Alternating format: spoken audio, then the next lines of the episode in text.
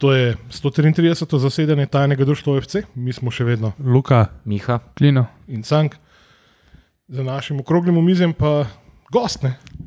res poseben gost, ko se ne ukvarja z basket analitiko in uh, duševno boleznijo, ki si jo delimo, ne, torej Olimpijo. Uh, svetuje letalskim družbam, kako efektivno prodajati karte. Um, več bo pa tudi sam povedal. A to je zdaj gost za to, da bojo naši v klubu vedeli, kako letalske tudi Ne, zrihtati, to je brezupen zajebali, primer, to ali- pozabi. A ja, a, okay. Glavno, isto Franko, dobrodošel in hvala, ker si z nami. Hvala, hvala. Ja, jaz mislim, da Olimpija bolj z avtobusom potuje, nažalost. Ja, se je, sam plan, plan, je, plan, je bil, plan je bil takrat iz Luksemburga z letalom. Ne? Aha, ja, ja. Pa, pa veš, mogoče če bi takrat kaj bolj se znali letalski. mi smo jim ponudili dva, dve mesti, smo še imeli v avtu z dvema, bom rekel, izbranima članoma, je bilo ponojeno. tako da- Videla sta, po- vi ste pol tisti, ne, ki razbijate to homogenost Olimpije, ker to je bilo mišljeno kot team building. a ne. A Veš, se pišejo novinari v, najve, v največjem slovenskem časniku, da kako rušimo. a ne, To. Tako Da, evo, to je to. O, oh, Jezus, to smo se šli odpirati uh, že davno zaceljene rane. In, a ne, si pred kratkim smo v bistvu dobili nekaj epilogov te zgodbe. Ne? Ja, nisem že vrl. Uh, ja, uh, it's fun, preber, obvezno. Bom. Bom. Bomo dali še en link, mogoče. Mogoče. Če niso že mogli zbrisati. V glavnem, gosta imamo, ne? mi se kle. Ok, vsi smo bili pri prevoznikih, vsaj ne. Ampak mislim, da v Olimpiji noben algoritem ne pomaga, nažalost. Ne. Um, Kaj meni gledaš zdaj? tebe gledam, ti si vmes skočil noter. A Ja, jaz sem zdaj zjebo ti flow, ali kaj? Ne, ma- ne, mi nimamo flow, ne. kateri se odlično pripravimo na vsako epizodo. In, uh, ja. Ok, basket analitika. Začnemo kle, No, pa dajmo. pa dajmo. Že prej, ko smo se v bistvu v kafiču usedeli in pogovarjali, si rekel, da je to v bistvu samo nekako preslikava vse silne analitike, ki jo vidiš v marketingu in podobnem. Ne. Kdaj, kdaj, si, kdaj si ti je to trnil, kdaj si mislil, da pismo, to je pa v bistvu isti problem kot. Kdaj si rekel? Ja, koncepti so isti, se pravi, nek data science, napredni analitični koncepti so isti. To, kar sem razlagal, kot si rekel, na kaj. Je, da bolj, ko sem začel študirati, kako se to v športu, predvsem v košarki, aplicira, eh, pa potem malo bolj napredno, kako se dejansko to v praksi izvaja, vidiš, da so aplikacije enake. Ne? Se pravi, koncepti so isti, celo problemi so v neki meri, če zelo na visokem nivoju pogledaš, isti. Um, zdaj, kdaj sem pa jaz to ugotovil, ene 3-4 leta nazaj, sem se začel malo bolj podrobno z, recimo, z košarko ukvarjati z tega vidika. Ne? Jaz sem spremljal NBA ali pa gledal vem, zelo dolg časa, ampak. Z tega bolj analitičnega pristopa, z vidika eh, razumevanja igre, ker tukaj niso samo številke, ampak tudi recimo, malo bolj napredno razumevanje konceptov posameznih. Um, Ja, je bilo pa to recimo ene par let nazaj in od takrat naprej, pol, tako kot sem omenil, bolj ko uh, bolj ko probaš zadeve, koncepte razumeš, bolj vidiš, da so tudi druge aplikacije zelo podobne. ne. Izhaja pa v bistvu vse iz kaj, ljubezni do basketa. Ja, osnovi. ljubezni do basketa, NBA in pol. Uh, na začetku je bil to bolj kot ne hobi, ne, tudi z tega, ki je prišel Luka v NBA, smo se povezali s fanti s tem, smo rekli, ok, dajmo probat. Uh, Ali pa sem jaz dobil priložnost, recimo, če za en blog sajt te zadeve pisati. Mhm. Zdaj, jaz sem v osnovi tak, malo bolj študiozen tip, da pravim potem, ko eno stvar not pada, me pravim resno študirati, tako da sem res te zadeve potem dolg časa študiral in to zdaj prerasel v to, da se pač to dela za mogoče malo bolj resen medij z vidika neke bolj ta fact-driven, uh, fact-driven analize. Ne. V Ameriki, recimo, meni je tak en benchmark povzročil. Ne vem, če poznate 538, je en sajt, tak, ki ga je osnoval Najcilver, ki, Mhm. uh -huh. dela, delajo projekcije za ameriške volitve, za šport projekcije, za ameriških novec, sprav šport, science, korono. In to je v bistvu nek tip poročanja ali analize, ki reče, da je pokrivanje neke teme, ampak malo bolj skozi te neke številke, skozi osnovo in tako naprej. Mhm. Zdaj, v bistvu ti te an- analize v pisni obliki v bistvu izdajaš, mislim, izdajo revija, ne, za katero pišeš. Tako je. Uh, kar mi je v bistvu tudi zanimivo, ampak glede na to, kako je dala Sport World gigantska zadeva, ne, Mhm. že kaj skoraj konglomerat dveh mest, oziroma več Ja, mesto. to je v bistvu dobesedno, oni pravijo temu, ja, multiplex. Ne. Uh -huh. Tudi dala sam ni eno mesto, ne se ti si bil tam, če se, kot si prej omenil, to je v bistvu skupek, ne vem, ene 20 manjših. Ali pa za slovenske razmere, ne toliko manjših mest, ampak ta multiplex je, mislim, da je 6 milijonov ljudi. Ja. Sprav dala s Fort Worth plus v ta konglomerat. Gre, pa, gre pa za revijo D-Magazine, Tako je. Ja, tako. ki je zanimivo. Mislim, to mi je bilo fully všeč, ker si rekel, da lokalne športe pokriva več ljudi in da je v bistvu vse pokrito in da je to pač v enem magazinu, ki je res na nekem nivoju. Ne. Ja, tudi, uh, tukaj imamo urednika, ki je prej delal za Atletik, za Sports Illustrated, tako da je res te zadeve se je profesionalno lotil. In tudi, recimo, že za sam za Mavericks, kar je meni fully všeč, je, da so tako različne vojse. Proba, ne? Recimo, mm. moj pristop je bolj nek študiozen, skozi neke uh, številke, skozi gledanje filma, skozi razumevanje teh, mogoče malo bolj taktičnih konceptov. Pol imamo en drug, ki je bivši zaposlen, ki je delal za Kubana, ki govori kot insider, kako razmišljajo ne vem, nek management v ekipi. Mhm. Pol imamo tam enega, uh, ki je glavni host na radiju uh, Dallas Sports Radio, ki je najbolj poslušan radio. Tako da imamo različne vojse, različne stile in pol se mi zdi, da dobiš res en tak dober uh, miks Informacije. informacij, pa tudi stilov, tako da vsak zbere verjetno, ne vem, jaz nisem nik za vsakega. Tako kot nekdo, ki ima pa neke hot-take, bolj prodaja, tudi ni za vsakega. ne. Ampak lahko potem najdeš kosto uh, vse, uh, v bistvu uh, v- vse vrste tega kalorija, kot oni rečejo. Kot si rekel, da ni vsak za vsakega, če kdo pogreša na, našega starešino Mihata, ne smo ga oddaljili od mize, ker je gora v košark in bi bil zmeden. ne. Ja, Mihaj, po mojem, še, še zmeraj v šoku, odkar je gotovo, da v pač Avstraliji tudi igra košarko. tako da, Ja. Ja? Uh, sej, ja, pač mogoče te metrike. No. Um, kolik, ali pa koliko, recimo, sami klubi, no, uh, ali pa bomo rekel, same, pač bomo rekel, franšize, mogoče tega uporabljajo.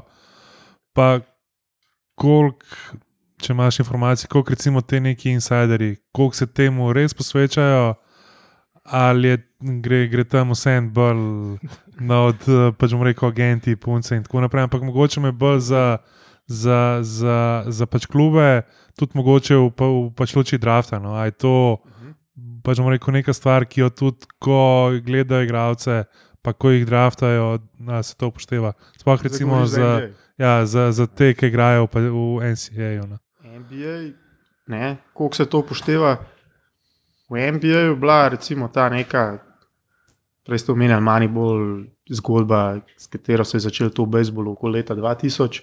V NBA so se te koncepti začeli od leta vem, 2003 do 2010, ampak recimo v NBA je bila ta napredna analitika konkurenčna prednost od leta 2010 do 2018, po mojem mnenju, pa tako, kot sem te stvari študiral. Ne. In takrat si imel klube, Houston je bil tipičen, ne, Daryl Mori je analitičen wunderkind v NBA-ju in je tako v bistvu ekipo sestavil to Houstona. ne. Um, ampak recimo potem Dallas je bil tudi en od teh early adopterjev, uh, San Antonijo, Boston.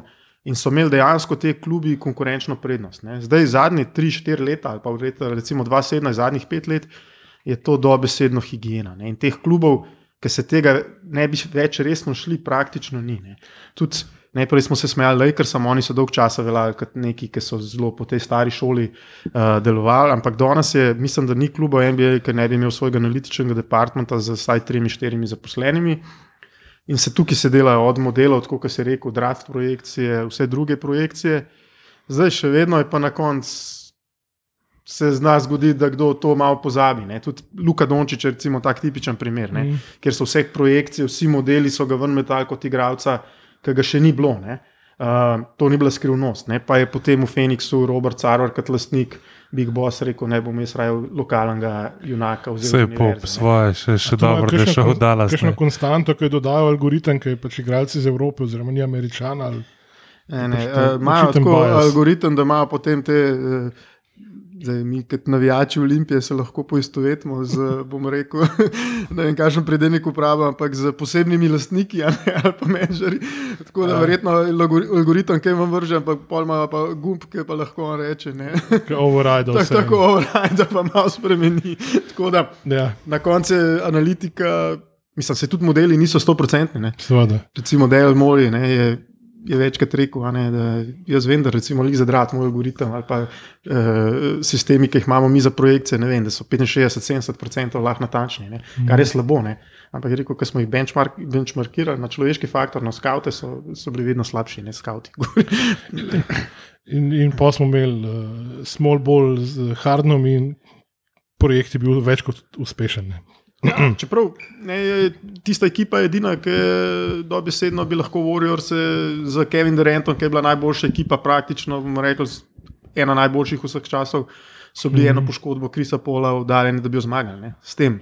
Na ta ja. način se stavlja. Zdaj, koliko je bilo to lepo za gledati, je drugo vprašanje. Ampak hoče reči, uspešno, uspešno je pa bila ne, ta način. Mm. Pa, pa se je rekel, da, da so še zmeraj slabi algoritmi, ampak boljši kot, kot neki uh, skauti. Ne. Jaz sem zelo dobrega igrača, klezati. Ja, ne, pa se ponad to uporabljajo kombinacije, ne, pa, pa je verjetno dos, idealno. Ja, dober, idealno. Ne, se ta fama tudi v Ameriki, ne, zdaj je dost tega, da je analitika uničila šport, pa ni samo v košarki, pa je to v NFL-u, mm. tako naprej. Ne. Se zelo ta črno-belo, ali si zdaj ti za številke, ali pa res poznaš, ne? ali si pa v Ameriki pravijo temu true baller, ne? zdaj pa ti si igral, pa veš. Tukaj analitika v končni fazi je samo ena od informacij. Ne? In ti probaš teh informacij čim več imeti in jih pač v kontekst zdaj pa razumeti. Ne? Tako da definitivno tukaj se dela vedno kombinacija analitike in scoutinga in video analize in vsega skupaj. Ja. Medtem ko je Steven A. Smith v življenju ne bo znal Excel tabele prebrati. Ne? Ja. Rab, to je zelo verjetno. Ja. Če, to, uh, sorry, če to analitiko malo nadalje spoježemo, kaj pred mhm. leti, kaj počel, ker je ta novica, da so vodilni oddali, so zelo poslušali tega zelo, rečemo, zelo ja. glasni analitiki. Kako mu ime? Hvala bo vulgaris. Sem rekel, da je vulgaren. Je ja, ne bi bil. Takrat je bil kar pač negativen odziv. Ne? So se kar vsi čudili, kako ste pa enemu takmu pustili tako moč, da je vplival, da ne bi kaj dejansko. Ja. Njega poslušali pri oblikovanju postav. Za špekulacije, seveda. Ja, v zadnje te zgodbe je bilo, pač, da je bivši GM, Deoni Nelson, to zgodbo plasiral plasiral in je pač novinar tako napisal, ne, da so njega poslali kot grešnega kozla. Zdaj se je postavil, da dejansko ni bilo tako. Ne. Recimo bivši trener Rick Carlisle je v bistvu zelo zaupal te analitiki. Ne, je pa tukaj spet en, ne, ena ta, zdaj potem, ko vidimo, da je ne analitika ali pa ne vem, ta pristop ni samo, so na koncu vedno to ljudje, ki s tem manipulirajo. Ne, Se je ugotovil, da pač tudi Karlaj je bil zelo poseben tip. Ne. Zelo mhm. poseben tip, ki je bil v Dallasu zelo na koncu svojega tega tenjora, desetletnega, je znal zelo dobro manipulirati in je doskrat kakšno tako odločitev rekel: ne, lej, jaz ne bi, to mi zdaj cifre kažejo.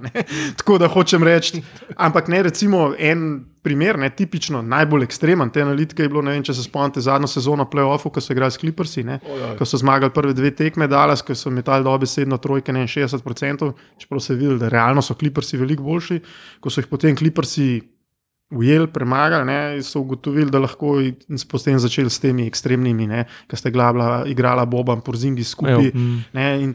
To je bil en tak ekstremen primer, mm. ki smo rekli, da na, smo slabši, ne, bomo igrali kazino na, uh, na logiko, da bojo oni vrgli. V enih dveh tekmah 50 trojk, in če jih ne zadenejo, bomo mi zmagali, tako so eno tekmo dobili, potem pa zadnje dve pa zgubili. Ne. Tako da hoče reči, da se je njega pokazal takrat tega Harala Boba kot nekega grešnega kozla, ampak v bistvu je bil tip, ki je kar vedel, kaj dela. No, tako mhm. bi rekel. Zdaj, kar se mi zdi, da čim je ali Mark Cuban ali kdorkoli, ki je podobno vanga imel tošo z uh, sliko. Uh, Pač trofeje, da sem ti pokazal, da je v redu, v redu, kulje, kulje. Ja, ja, zdaj, zelo zanimivo je, ne, kako te, kako enkrat trener gre, ne, tudi te lokalne medije, zdaj, ki mogoče sam sem malo bolj v to upleten. Uh, Eh, ne vem, kako vi to poznate iz nogometa, ne, ampak lokal, tudi tam, ne, čeprav ta eh, medijska srednja je veliko večja, ne, je ta access tako privlačen, ne, da, da se bojijo neko, ne, nekomu govoriti. Ne, če ti trener daje določene informacije, da lahko ti dobre zgodbe pišeš, ga ne boš tako po domač povedan kurcu. Ne, ampak. Pol pa, ki je enkrat šel, so se pa začeli padati v kostnake iz umare in se je videl. Ne, recimo, letos mi je par novinarjev povedal, pa ljudi, ki so tudi iz kluba, nekaj dobesedno delali za klub. Ne, da, recimo, edina stvar, ki sta imela uh, Donke pa Porzingi skupaj je to, da sta oba sovražila Karlajla. Recimo, ne, tako da hočemo vedeti, take zgodbe Ja. ja. zdaj zelo velike. Ne. Uh, ja, se res. Pač mislim, A, a bilo v uni seriji, glih, ki Porzingi smel koliko po ene šest pik na tekmo, ko so Ja, ga ja. pos, poslali tja v Ja, kot, tej, čakati ja, na ja. trojko in to je to. To je- to Številke so nam to povedali in tam botne. Ma, dobro, to niso bile tudi številke. Se, tudi, če si gledal, si videl, da pač on žogo praktično, ki ga je enkrat, ne vem, Kawhi Leonard skril, ni mogel nič. No, da- ki je tekova, Leonard krije. Ja, no, ampak tako da tukaj so in številke in to, kaj vidiš. Ampak ja, Ja. to je bila ta serija. Ja. uh, kaj bo šele, ko bo v bistvu Jerry Jones enkrat umrl. Ne? Ja. Pa, pač kaj bo šele tam pada Lonar uh, Cowboysov, No. ki je po moje, pa, ali ga, ali ga bom rekel, po novinarske strani, ga kujo ne bo, poga pa ne more videti. No. Ampak uh, jaz bi mogoče zdaj, ki si rekel, da ta neka analitika ni več uh, konkurenčna prednost. Uh, kaj pa je? Zlo. Ja, pač kaj pa je, recimo, the, the new thing. Ne, vse vedno je več, ne, tudi vedno se išče ta nek. Te prednosti, ali pa tako bom rekel. Ne, Danes ustvariti prednost skozi vrnitko je veliko težje kot pet let nazaj. Zato, ker vsi to delajo in moraš delati veliko bolj napredne stvari, da v bistvu, tako kot američani rečejo temu, on the margins najdeš neki, ne, a veš, neki Ja. yeah. majhne gejne. Ne, Medtem, ko ne vem, ne, košarka, jaz imam včasih tudi za marketingaše predavanja. Ne, povem, da meni je recimo zanimivo košarki, da so, ne, to je bil en trener, še vedno je trener Vizrcev, ki je bil tako kot ta omani bolj v bejzbolu. Um, ki je napisal 20 let eno knjigo in je izračunal tako imenovane te štiri faktorje, ki so v bistvu štiri faktorje v obrambi in napadu, in ti lahko eno tako abstraktno zadevo, ki je košarka v bistvu na neke formule prevedeš, in vsaka stvar, ki se zgodi na terenu, vpliva na enega od teh štirih faktorjev. To so, ne vem, procent meta, eh, procent skoka, procent zgubljenih žob, pa procent prostih metov, koliko prideš. Um, ampak v košarki so rabili 20 let, da so ugotovili, da ta procent meta, ne, da je dvojka. 50% manj vredna kot trojka. Ne? In tiste ekipe, ki so to ugotovile, ne vem, leta 2010, pa začele to forsirati, so imele skozi matematiko prednost. Ne? Takih, bom rekel, tako očitnih zadev ni več. Ne?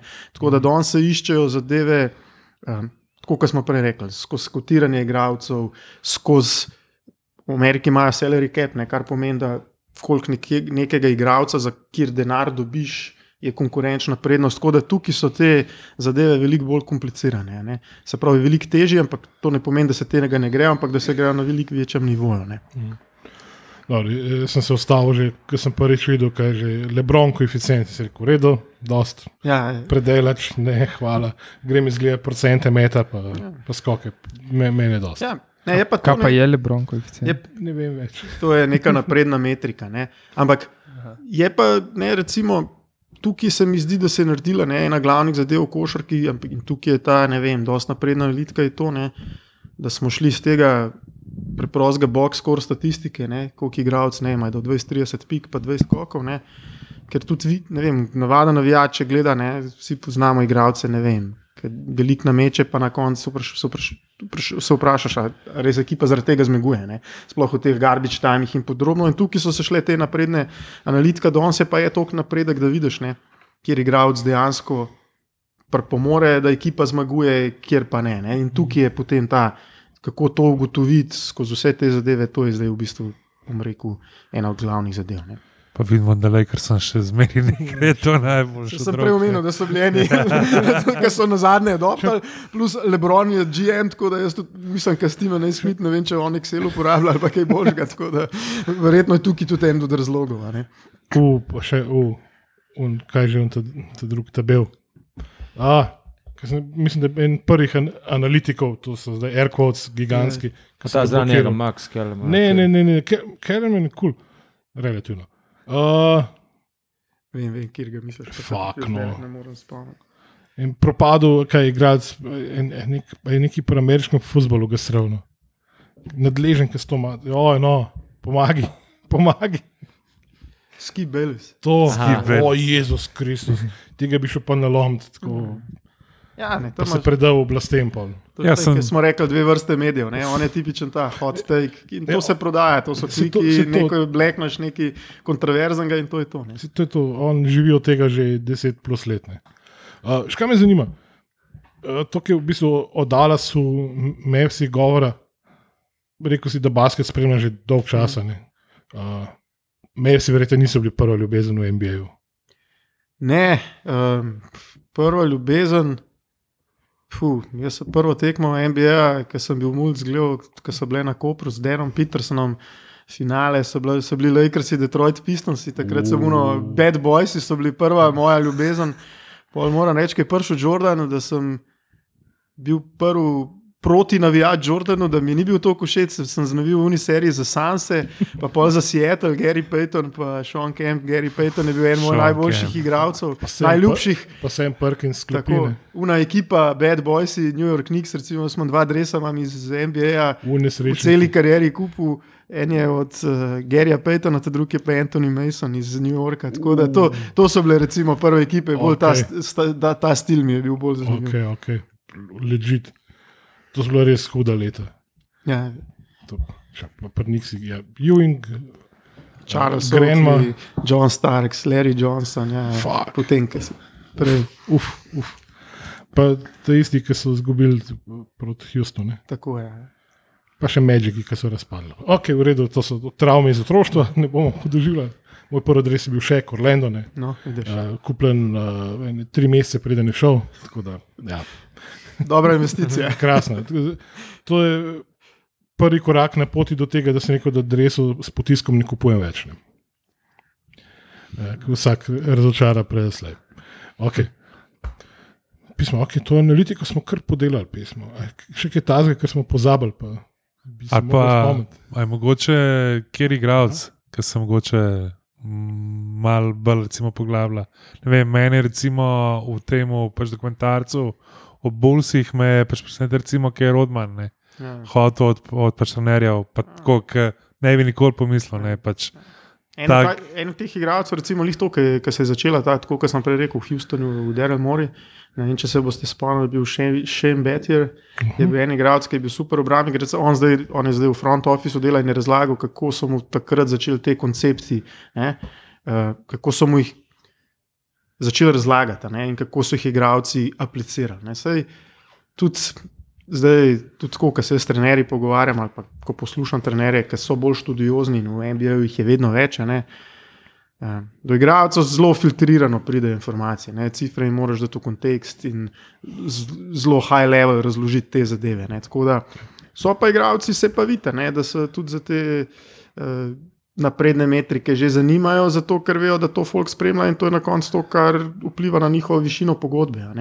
Tako da, ne, se, recimo, že prdončiču, če, ne, če ste videli prvo sezono, če ste gledali vsako, vsako konc četrtine, je vrgel iz 90 metrov, druga, tretja, četrta, ne meče niti ene žoge več. Ne bo počakal, da bo, konc, da bo odpiskal, pa bo pol vrgel. Ne. Tako da, hoče reči, malo za šalo, ampak tudi to on ve. Ne, recimo, Um, da gledajo procent trojke, čeprav ne ve pa to, ne, da napredne analitike tega garbage time, pa te Amerike rečejo temu, ko vržeš v zadnji sekundi HIV, ne, to porežejo ven, tako da napredna analitika tega ne spremlja, navadna pa. No, se, se nima veze, politik zmeče 2-9 trojke, pa, pa gremo si spatraj. To je tisto, jaz ne spremljam NBA, sploh pač priznam. Ampak, uh, pač še jaz sem porajal, ja, da neki igralci, kao zvezdice, pol v zadnjem napadu po avtu laufajo da ja, naj bi žoge dubo pa tako, ne? da ne bo pol on, on imel tisti, ki bo izgubljen. Doskrat je bilo to gledati, ne vem, če ste gledali na koncu, neko MBO ima ta. Uh, Ne vem, kaj je to tradicija ali pa ne pisano pravilo, da če je pač tekmo odločena, zadnji met se ne vrže. Ne? Mm. In pol, ne vem, ekipa ima še 30 sekund do konca, ne, se pravi, in bo iztekel napad, pa si pa podajo, ja. vroč kostano na žogo, ne? komu se bo zgubljena žoga pisala. Spet niso vedeli, ja. da v bistvu smo ne pisali, ampak to, je to, to. Tim Turnover. Ja, to, to je tudi. Malo hecno, ampak ok. Ja, ampak to je pač recimo, ne, ta vpliv, bom rekel, statistike.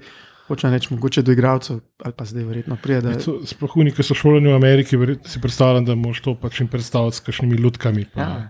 Imate pa zdaj recimo v Dallasu, ne recimo Spencer Dinwiddie, ne, mm. je tip, ki je izredno inteligenten, ne, uh, tudi tako, ukvarja se s skriptom, z vsem živim. Tako tudi, če njegov, njega poslušate, recimo intervjuje po tekmah, bo res razložil, zelo se poglobi, zelo daje take, zelo um, poglobljene komentarje, in on je tip, ki sigurno ve. Mm. Včasih je tudi slabo, Zdaj, če se igralec pred tem ukvarja, mogoče tudi ni dobro, če preveč o določenih stvarih razmišlja. Ne? Ja, kar je se skoraj zihrne. Uh, Milo ja. rečeno. Uh, Z astrologijo se tudi zihar ne ne ukvarja. Ne? ja, Kako bi se, če ni zvest? Tukaj še ena uh, anekdota, ne, lih zdaj, ki smo rekli, pa našega Donketa, pa napredne analitike, ne, je razlagal, uh, lih uh, Dinvidi letos, ne, so ga sprašvali, ne, kako mi trenerji govorijo te zadeve, ne, pa je rekel, ne, da je razlagal playoff serije, ne, da je prišel trener, da jim on sam pove, ne, da je recimo tale, ne, ima tok points per possession, ta tok, ne, kjer, kjer je nasproten igralec efektiva, ne, mogoče K brani, ne? mogoče je rekel, le, če gre ena na ena, če greš igrati na tega, ker ta je full dobro, ta ima pa ne vem. Um, vem, en ima 1,2, en pa 0,7 pusti, ne, Un 0,7 je najboljši obrambni igralec. Pa je rekel, vsi to poslušamo, edin donki, kjer ima, ena- kjer ima 0,7, ne, on pa jih obratno, ne, se napali na unga, da bo ja, kjer je najboljši, da mi tega, ne. Tako da, Pa, ko kar kaže, tudi ne bo več tega, kar se prej stalno dogajalo v play-offu, ko so v bistvu vedno nekaj iskali. Pač, da obrambi. je on, ja, Ja, to je pa zdaj pr, NBA playoff košarka, je pa kruta ne, na koncu. Ja, Mislim, da ga bojo, dokler bo dokazal, da, da ni najslabši od unih pet, ki je na terenu v obrambi. ne. Da Do Ne, takrat ga bojo vrteli. pač dokler bom imel. No, sej, lej, roko na srce, tudi kar se prej rekel, se isto dela kariju, isto dela še komu drugemu. ne. Pač dokler bo bil več kot ena, bo pač glavna tarča, nažalost. Ne. Ja. Ne, pa tako spreman še ni bil. Ne. Zanimivo, kaj, kaj si ti misliš, oziroma a tudi eh, številke, ki povejo, čeprav zdaj le po dveh tekmah, okay, mm Mhm. -hmm. ne more kaj dost. Lanska ekipa, me so pa letošnja. Ja, drugačna je. Ne? Drugačna je zdaj. Tudi da imajo funkcionalnega centra. Recimo, ne, ta Kristjan Wood je tako ena. No, on je bil tipičen igralec, nekaj smo prej rekli, zelo dobra individualna statistika, ampak neke, mm. Nikoli pa ni igral v ekipi, ki bi dejansko bila zmagovalna, ne, tako da bi igrala za kaj resnega. Tako da, da je zaenkrat prve dve tekme tudi prijateljske zgleda super. Bomo pa videli, je pa tukaj zelo prehiter govoriti. Ja, Ja, tako da zaenkrat dobro kaže, jaz mislim, da. Kaj Sploh redni del. No. Ta ekipa je zdaj optimizirana za igranje zraven Luke, a ne v playoffu pa rabiš, mogoče bo tam bolj manjko en med igralci, tik pa Branson, kjer lahko vzame sam žogo, pa kaj naredi. Je pa do takrat še dol, tako da zgleda zaenkrat super. No. Je tudi Neke izjave je že dajo Wood, da je končno srečen in ne vem kaj. Ja, ja, ja. Ja, tudi, tudi, tudi, ne, res zaenkrat pravim, igra, igra fenomenalno, bomo pa videli. Ne, je, Dok- Dokler je Dwight Powell četrti center, je v redu. ne. V redu, ja. Okay. Se si v bistvu, ali smo bili včeraj objavljen članek v D-Magazinu, sem imel tudi primerjavo lanske pa letošnje sezone, ki sem bral, se pravi Jason Kidd, da je lani izpostavil nekako dve ključni besedi, Aha. se pravi to kemija, odgovornost, da si pa ti v bistvu za letošnjo predlago prilagodljivost, fleksibilnost, glih to, kako so v bistvu ugotovili, ko je Golden State jih Ja, lani so oni igrali na koncu playoffa zelo na en in isti način. Ne. Eh, To je Luka plus, oni reče temu small ball, raztegniti parket in potem dati prostor. Ne. Uh, recimo proti Golden State, to je šlo do ekip, razen do res dobrih. Ne. Golden State je pač itak na koncu bili prvaki in oni pa igrajo lahko na več načinov. Ne. So igrali visoko, postavo nizko, recimo sploh v skoku jih je to zelo tepalo. Dlje, ki greš v playoffu, bolj se pozna, da imaš ti še nekaj dodatnega igralca, ki lahko še kaj naredi, ki lahko igraš malo drugače. ne. Tako da letos imajo mogoče recimo z Magijo in pa z Udom, da lahko igrajo malo drugače. Je pa vprašanje, če bo ta kreacija jim pa še manjka. No. Moje mnenje je za to, da bi prišli vem, v finale ali pa zmagali celo v finale. Mislim, se zdaj bom ful, pač ne pravičen do podživela magije, ampak meni je, ki slišim ime pa prink, mi je prva misel, mi je Še ki je na pol. ne ful. Ja, Ja. ne samo on je tip, ne, recimo, ki je bil dejansko, kakšne neumnosti je on delal, če gledaš kakšne slabe. vem, en, videl sem akcijo, ki je glumil poškodbo, pa je pol letu nazaj v igrišče. On je bil dejansko en bolj nezrelih, pa otročjih igralcev. a ne.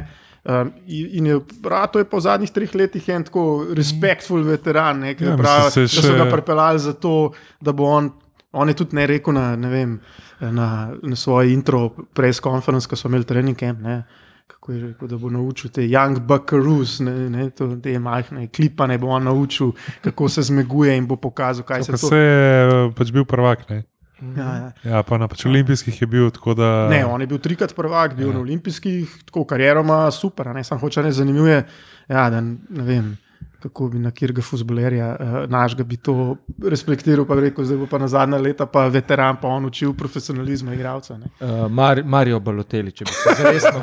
No, dobro, tak ekstrem ni bil, ampak ja, podo, dobra, dobra, dobra primerjava, mogoče. Ja. Ni, ni, ni šel dar v ženski zapor. no. Ja. Mislim, ja, jaz moram reči, da sem pač, bom rekel, nisem ga spremljal tako podrobno, ampak tako Da se je redno natresel vse, kar je lahko. no. Ne, je pa igralec, ki igra poprečno 15 minut in to je tudi igralec. ne, Recimo to, kar sem prej govoril, da greš v playoff, manj taki igralci igrajo. ne. On je tudi, recimo, če se pogledal da, to serijo, ki je igral za Phoenix, ne, na koncu zadnje tekme ni več igral. Ne. Zato je mogoče malo strokovnjake presenetili, da so mu relativno pač soliden denar dal, ne, glede na leta, pa da zdaj vud sedi, ampak se Ne, mislim, tukaj da je bila bolj bo- ta, veš, tukaj je pa ta kit, da ne, to, kar si prej rekel, na kemijo zelo velik. Ne, on, če pogledaš skozi te dve leti, si okoli sebe dobesedno pripeljal ljudi, ki jim res zaupa in teh jih je. Večina iz tiste šampionske ekipe. Te- Jared Dudley je bil tam, igralec je zdaj pomočnik, eh, eh, dva pomočnika trenerja, ostala dva je propelu, Megija od tam poznajo. Tako da jaz mislim, da je tukaj bolj to, kar je po eni strani prav, ne, da skozi, tudi malo skozi igralce, skozi slačilenco, da, da proba, ne nam reko zadevo imeti pod kontrolo, ampak da imajo neko kemijo in ta kemija je, pa vsi poudarjajo, res dobra. Ne, zadnje, lani je bila tudi letos ne, in to je, jaz mislim, da je ena full prednost Dalasa letos napram ostalim ekipam, ki imajo full raz, jasno razdeljene vloge, vejo se, kaj se dela in tukaj. Tukaj je mogoče vlo, eh, dodana vrednost Megija. Mogoče. Da se to v bistvu kemijo, lahko pripišemo, ker tudi kit tako drugačen od Karlajla, ki se je govoril, koliko je na treningih tako prijateljski kapca nazaj, Sigurno, se tudi vidi, hoče to stvariti. Kid ne. je tudi, ne. Jaz sem bil recimo zelo skeptičen, ker vam prišel glede na to, ne vem, če ste brali knjigo od. Janisa. Tako je, ne, zelo tak. Uh, tudi ljudi, recimo, jaz, eden, ne bomo pol mogoče govorili o futbolu, analitiki, zanimiva stvar. En tip, ki je bil včasih eh, delal analitiko za Milwaukee Bucks, zdaj pa dela Statsbond, kjer je tudi nogometna analitika. Ne, je bil v tistem času, ki je bil Kid v Milwaukeeju in pravi, da je bilo tako zelo veliko tega. Politics, backstabbing, take zadeve. Tako da, ki iz vseh prejšnjih postaj je šel, ne. je pa res, da je dosti pameten in da se je verjetno stvari se je naučil. In ja, zdaj dejansko ima lih ta kontra. Ne. Ta nova, nova era NBA je, da se prilagajajo zvezdam, vse, da so oni happy. In ta način, nek old school trenerja, ki bo rekel, le, ne, ki bo on neka avtoriteta, ne vem, tip Željka Obradoviča v NBA-ju ne bo šel skozi, ker so igravci pač uniki, ki so glavne zvezde in kit se to dobro zaveda. in Vsem pa probajo nekako ne, na te malo drugačne psihološke načine, skozi igro, skozi. Bom rekel, vzpostaviti ta ac- accountability, ne, kar si bi rekel, Mm. da se vsem en Luka prepriča, da igra obrambo, da se trudi, da take zadeve. Se, a bi rekel mogoče, da je v NBA šel v smer, da je prvi trener nekako bolj, pač bom rekel, mirovnik. No. Ja, sigurno. A, pa da zadnji, pač bom rekel, ostali delajo in na taktiki, Si- na pač analitiki. Sigurno. Da on je bolj tam res, da, da jih Ja. nekako skupaj drži kot Ne, klapa. no. sigurno, ne. Prvi trener je predvsem, da te ege menedžira, da razdeli vloge, da jih skomunicira, da prepriča igralca, ne recimo Kristjan Wood, ne, da ga prepriča, da bo, lej, zdaj boš ti šesti igralec. ne. Čeprav on misli, da je all-star igralec, pa da bi mogel igrati ne, 35 minut. To je glavna dodana vrednost, ne, da te ege menedžira. Ne. Pol imaš pa, se pogledaš na klopi, ne, recimo pri Kidu je to. Sean Sweeney, če ste gledali, da je tekmo, en tak majhen Ridžo je tak, ima cel sistem, ne, on je bil pri njemu že v Milwaukeeju, tako da to je definitivno to. Ne. Pol imaš pa jaz, te analitiki so uni nerdi, ponovadi v drugi vrsti sedijo na klopi, če, če pridejo sploh.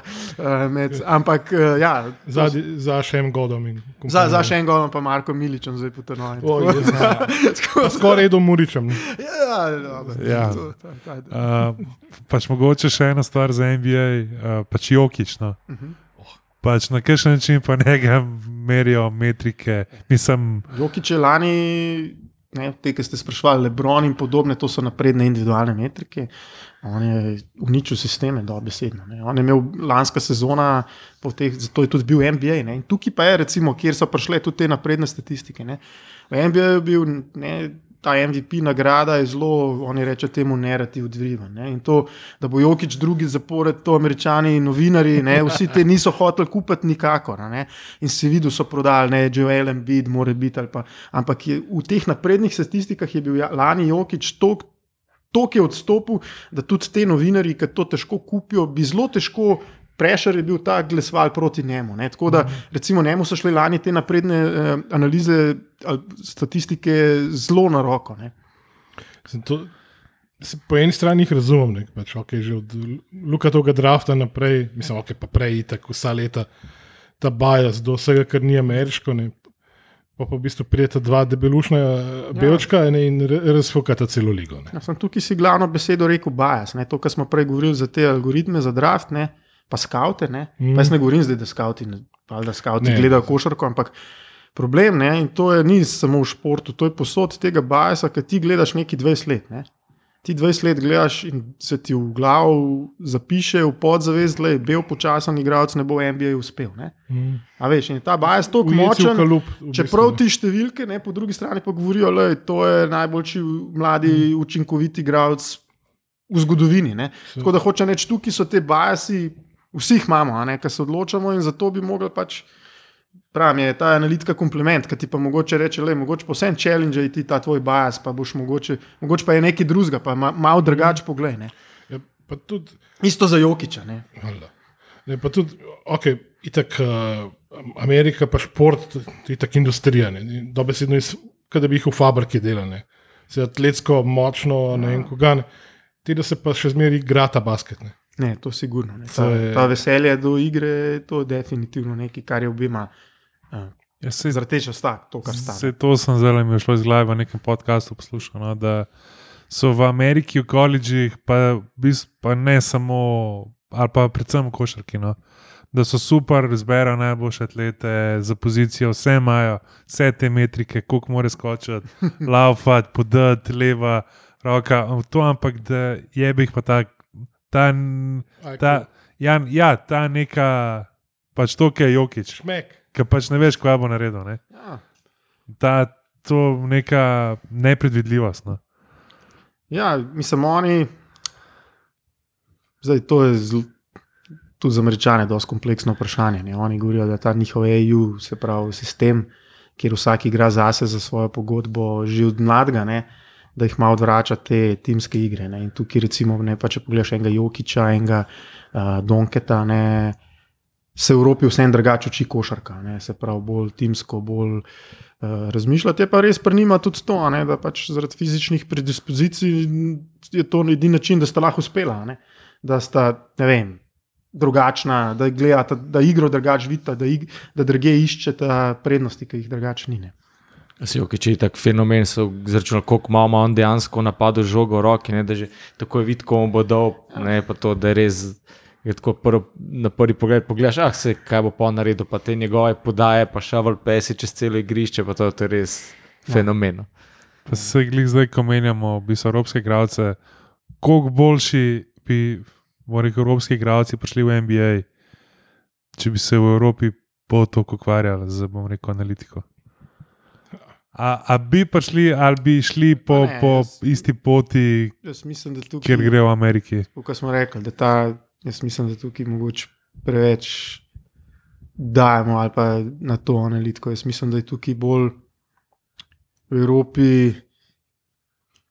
Je drugo, ne, da v Ameriki je vseeno toliko več denarja, tudi v NCA košarki. Ne, če pogledaš ne, adaptacije ali pa spremljanje, kje se te glavni sistemi analitični prodajo, so NBA plus NCA košarka. Ne. NCA košarka je en univerza, ima budžet desetkrat večji kot Olimpija. Ne. Ali pa ne, sem še premalo rekel. Ne. Tako da jaz mislim, da tukaj je glavni problem Evrope je pač denar, ne, da je košarka v osnovi ni profitabilna v Evropi. Kar jaz razumem, edini šport, kjer se dela denar, je dejansko fusbal. Pa še to ne posod, ne. Ni dobro. vemo.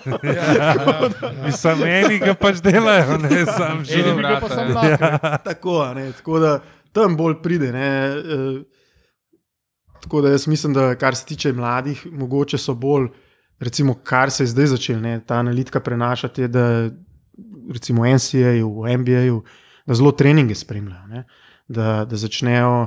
Ne, evolucija tega je šlo, prvo so delali statistiko, pol so play-by-play podatke uporabljali. Uh, Potem je bil trekking, se pravi med tekmo v dvorani in se pravi vse gibe, vse te zdaj. Zdaj je evolucija, da oni ta trekking uporabljajo, recimo v Ameriki, pa v študentskih košarki za trening, plus z nekimi biometričnimi podatki, se pravi tukaj, ne, da se ne pretrenira, kdaj počivati. Tukaj je smisel, recimo pri mladih je ena aplikacija, ne. ostale te zadeve so pa bolj na višjem nivoju. Ena zanimivost ne, iz uh, naše bližine. Uh, to je ravno te, te sistemi za spremljanje treninga, ne, so bili v bistvu vere enega konflikta med uh, trenerjem Olimpije in vodstvom. ne. Uh, Ker je želel imeti pač ta sistem, da se spremljajo treninge, da se pač snima, da se analizira, ker pač zgleda klika, kjer ji pripada. To, torej pač, če ne bomo skromni, ne, Guardiola, uh -huh. uh, tale, uh, Arteta, Riera in kompanija. Ne, Da gre pač v ta tren. In to je ravno bil čas, ko se je govorilo, da bo gospod, ki trenira Radomlje, da je že bil na tekmi kot eh, potencijalni kandidat, če bo trenutni trener preveč problematičen in silo preveč naprej tehnološko. Ja, No, samo jaz Olimpijo zdaj v futbolu malo slab spremljam, ampak ker sem poslušal Jero, ne, vidiš, da on zelo številke ven meče. ne. Ja, ja, Zelo številke ven meče in to se hočeš nočeš, ne, to, kar smo prej rekli, da zdaj to v Ameriki ni več uh, neki posebenega. Ne. Poslušaš trenerje, vem, če poslušaš podcaste iz NCA, iz NBA, vidiš, da trenerji hočeš nočeš tako razmišljajo. ne, Za začel kaj je učinkovito, kaj ni. Tako da probajo imeti te zadeve, morajo imeti v glavi, brez tega praktično, kot sem prej rekel, to je zdaj higiena, ne morejo več operirati. Ja, se tudi tu v Bayernu, ne, zdaj, ki je ta mislim, ameriški trener, ne, uh, so tudi pač ufurali, ne vem, od ne vem, kakšnega snemanja treningov do teh uh, nekih uh, samih pač programov, ki že vse sami delajo. Tako da se tudi verjetno zdaj, kaj morda ameriški sniki. Prihaja predvsem v pač Premier League, ne bo tudi tega zmeraj več. Ne. Sigurno, sabo. ja, sigurno ne. S tem bo prišel iz Amerike, prihaja ta pristop. Kot smo prej se pogovarjali na kavi, ne, je šlo iz košarke, iz bejzbola v hokej, uh, NFL, v nogomet, odbojko, tenis, golf. a ne. Tako Da, in to se zdaj ni, zdaj, da tega v futbolu ni, ne, ta trekking in napredne zadeve. Um, sploh v futbolu, zato ker je mogoče te preproste, bolj statistike, ki je bila pa v košarki, ne vem, 20 let, ne, je bilo veliko manj ne, in veliko težje je v, v, v, analizirati skozi te zadeve igro, ima recimo te tracking zadeve, ne, kaj se dogaja na terenu. Ne, kaj je, recimo v košarki imaš algoritme za shot quality, kaj je dober met, ne, kaj je klej dober strel, ne, kaj je dobra podaja. Ne, ne vem, če štejemo podaja, en 20 krat podaja nazaj na 2 metra ali pa daš ti eno dobro podajo. Ne, to so zadeve, mm. kar jaz zdaj od zunaj, pa pravim, res nisem niti malo ekspert za futbol. Kar se tega tiče, vidim, da tukaj so te glavne zadeve, ki jih ta najboljši klubi, res, recimo v nogometu, že uporabljajo. Ja, sploh v Angliji no, ja, imajo sprejem z levo, sprejem z desno nogo. Ne vem, pač, ko se obrne, s katero nogo se pač obrne. Ne vem, pač podaja na en meter, na dva metra, čez celo igrišče. Pač, jaz mislim, da po mojem, ne vem, v nekem sitiju, no, ki se mi zdi, da je mogoče najbolj. najbolj Vir navdiha. Ja, po mojem, un tam pač klikne, ne vem, Ja, pač zdaj samo- zjutraj nekoga, Sam- pa, po mojem, pa, pa z lista Excel na deset. Kle so to, veš, to so zelo neki, zelo take, bo rekel, čist bottom level metrike. Ne. To, kar sem pregovoril, recimo za štiri faktorje v basketu, ne. strateško, ne, če gledaš, ne vem. Okay, rekel, ena ekipa, le smo slabi v skoku, ne. Kiri igralec ali pa kira kombinacija, kira peterka, dobro skače. Ne? To so za trenere zadeve, ki jih hodi videti. In jaz si predstavljam, da je isto v futbolu. Ne? Ne, če smo mi ekipa, ki hočemo ne pritisk izvajati? Ne? kiri igralec je, ne vem, kiro kombinacijo imam recimo v vezi, da smo mi dobri v tem, pa kiro ne. To bi po mojem zdaj, kokrat je en dribl levo, desno, pol to tako malo. Ampak hočem reči, to so pa mogoče bolj take, bom rekel, strateške zadeve, ki pa trenerju na koncu je pameten, ne pa neki povejo. Ne? Pol mislim, da more. Da, da, da bo Miha vesel, mora Riera z zadnjo vrsto metriko. Lisem Na novo nastaviti. Točno, točno to, ja. Albert bi lahko zristil si kaj za zadnjo vrsto, ker. Pač ti, se mi res pač ne zdi, ti da bo kar najboljši, ima, očitno ne, ne, ne pač dela dobro. Ne. Ali premlado, ali pa ja, prepočasen. Ja. Ja, ne, se pri futbolu, ne od teh novejših zadev največkrat slišimo, predvsem expected goals. Ne. XG in pol na podlagi tega vidiš, koliko ima to veze z realnostjo, oziroma v dostih primerih pač nima. Ne. Sploh ne. Zadnje tekme naše, neko, ja, po mojem, ja, na premalo decimalk zaokrožajo, da bi lahko pač prišli do realne slike, ampak je bal ga le. Um, wow, okay. Zdaj pa mislim, da smo res lahko statistiko zaključili, zdaj gremo pa na uh, osrednjo temo naše srčne bolečine, ne? zdaj, uh, Olimpija. Kdaj, kako, zakaj, v katerih športih? Jaz imam eno pač klasično vprašanje. Kje je prva tekma Olimpije, No, Miha, ki si jo videl živo? Veš, da se ne spomnim. Če ti po pravici Pa- povem, zdaj vem približno obdobje. Um, Pa je bil futbol ali basket ali kaj takega? škaj, ko smo bili, dobro, jaz, kot sem rekel, igral v futbol in basket in zanimalo me je vedno oboje, ampak po mojem je bilo to, ne vem, tam. Takrat, ko je bila zmaga Saga in pa Olimpija dobra, bili smo mi vem, tisto sezono na vseh gostovanjih na Final Fouru v Rimu. Vem, če se spomnite. No, in takrat se je začelo dogajati to, ne, da za, te, za tekme Olimpije na basketu, ne, za med Dragonsi, si mogel prijeti tok pa tokrat na futbol, da si dubu za Euroligo karto. In takrat smo pa začeli na, na futbol tudi hoditi. eh, mislim, da spomnim se ene tekme za Bežigrad z Muro, ki je bila zelo zanimiva, ampak to je po mojem bilo. Vem, ja, No, tam dolgo nazaj. 97. Tako je, ja, 95, 96, ne vem, to so bile takrat oni zadnji zdihlaji, ki je bila Olimpija še dobra. Ne vem, kje je bila sezona, to tekmajo, se, mogoče zdaj so flashbacki, ki je nas tečeh zadev, pa smo izgubili prvenstvo, ne vem, ki je še za Maribor igral. Mislim, da je bilo, je bilo 2-1 ali nekaj tasga, vem, tega gola se spomnim. Po mojem je bilo to tam 6-7, ki je začel Maribor pol eh, zmagovati. Ja. Okay, šlo zidar s kufri, Ja, ja, ja, ja. po Čeha pa kmeca. Tako da, ja, te, te, evo, teh zadev se spomnim. Ja, tako da, takrat smo ja, potem in basket, in futbol, kar dolg časa, eh, recimo, v živo spremljali, gledali na Bežigradu, predvsem je bil meni eh, experience zelo zanimiv, pa všeč. Je, ti stadion res, res ima dušo, kako koli obrneš, kako koli razvalina, ampak Ja, ne vem, tam je bil na eno, za Bežigrad en gospod, ki je skozi radio poslušal, to se spomnim, ki je imel vržgan tranzistor. Tako da, Ej, komentar pač. Kom, mislim, Ja, da ne, vse je un, kaj- veš, kaj je Val 202 imel Ja, ja. javljanja iz No, no, vseh in on je, aha, ja, on on je je imel- poslušal zraven. se pravi, ja, gledal pa pa se še- smejali, še tako. druge. Čak, ono jingle je bil gol. športno popoldne. Ja, tako pa- je. Tako, Ja, pa Gol, prav. gol, gol, Ja, prav ta jingle je bil gol, gol, gol. Čakaj, gol. tega jingla ni več.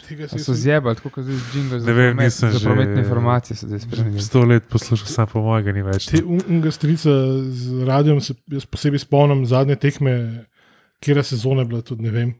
Ampak glavno takrat, ko je bil troboj za naslov, Gorica, Maribor pa Olimpija.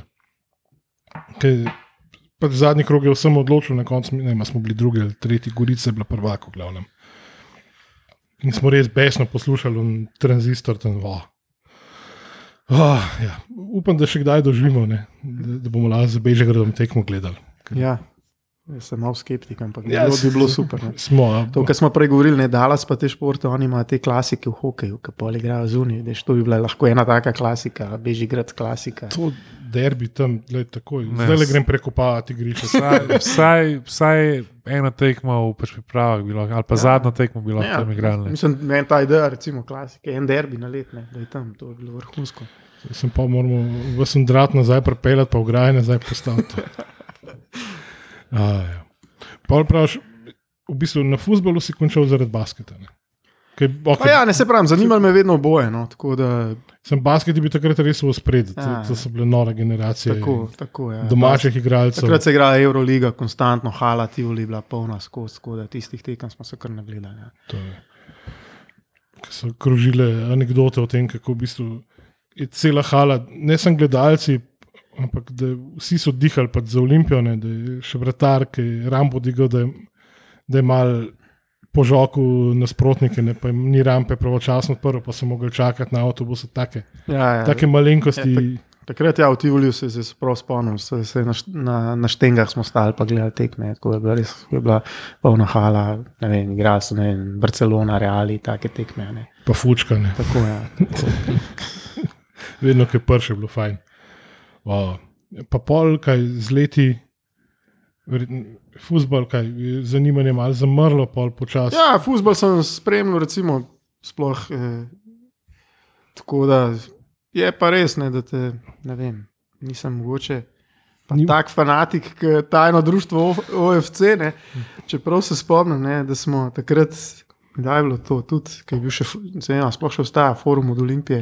Obstaja. No, takrat Tretja inkarnacija. Prvotno ekipo smo igrali še futbol v Vevčah. O, Tako da, uh, tako da takrat so še prek tistega foruma te zadeve malo spremljali, smo nekakšne To- tekme hodili. Pa si ti en od unih, ki se spomnim uh, tekstov na unu forumu, ki so bili res na takem nivoju, da si se bal kaj napisati. Ja, spodaj, ja, takrat eh, se spomnim broja jedan in uh, ostalih. Tako da to je bilo to. Ja. Tako da pol, bom rekel, ne vem.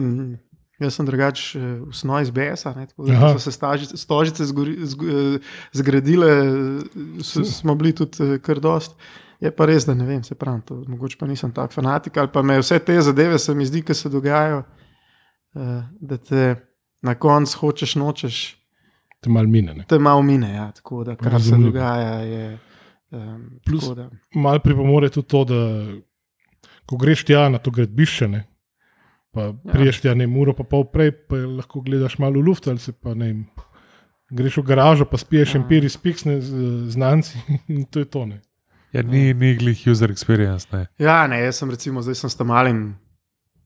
Hodim na tekme, čeprav ni nek športni navdušen, ampak ja, vem, zadnji derbi, ne vem, imel si, ko mi sem kupil, ko smo šli eh, dva fotra z dvemi mulci, štiri karte skupaj Mm.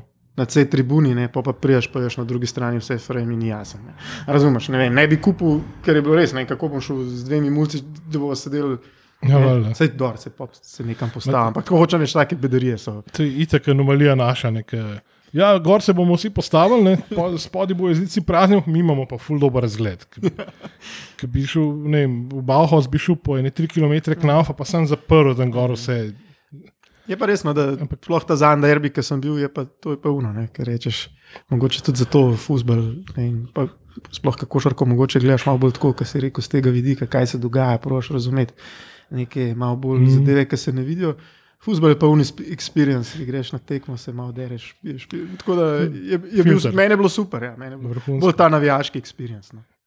Ja, ja, se mi zdi, da mogo, ja, pač, pač da fusbal, jaz ne vem zakvane, ampak ima nek res, dodatno ja, odražanje. res iz, iz tebe potegne pač neke čustva, Ne, tudi- ti jih nobena druga, ki ti jih noben drug dogodek ne To pa tudi, ne vem, meni je, ne, vem, ne glede na to, koliko spremljam, recimo ameriški šport ali pa basket, ne vem, ta, kar se tiče experienca futbol, mi je pa veliko boljši. ne, Recimo, um, pač ta, bom rekel, nek, pa ne zdaj klasičen ultras, ampak ta navijaški vzdušje je, je sigurno. ne. Mhm. Uh, tako da, kar se tega tiče.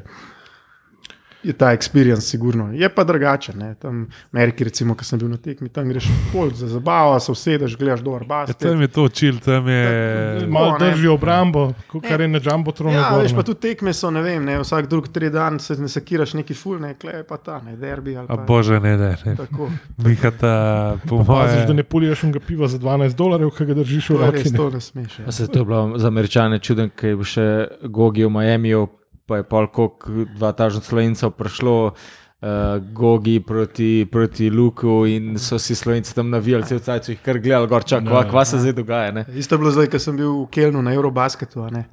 Pa smo jih na tekmo z Bosno, je bilo pa ful bosancev, ne, je bilo jih nedela in je bilo prav tako malo, ta ultra scena so prišli, ne, ne 150. Si res je. In nisem mogel tem američanom, mojim kolegom, ki so prišli novinarji iz Dalasa, razložiti, kaj oni delajo. Ne. Brez majice, derajo. To je čisto nekaj normalnega. Ja, ja, veš, uno, meni je bilo uno, le še premalo jih je, ne, da je celo dvorano bi bilo bolj, ne, ampak une bo, ko je to noro. Ne, da, Res je. Je, Ti si bil res hecen, ker pač naši ne, okay, na teh reprezentančnih akcijah, ki se zbere res, ko bi rekel, cela paleta, ne, ja, od največjih indijancev do unih, ki tekme ne doživijo, ki pač so obležali zunaj.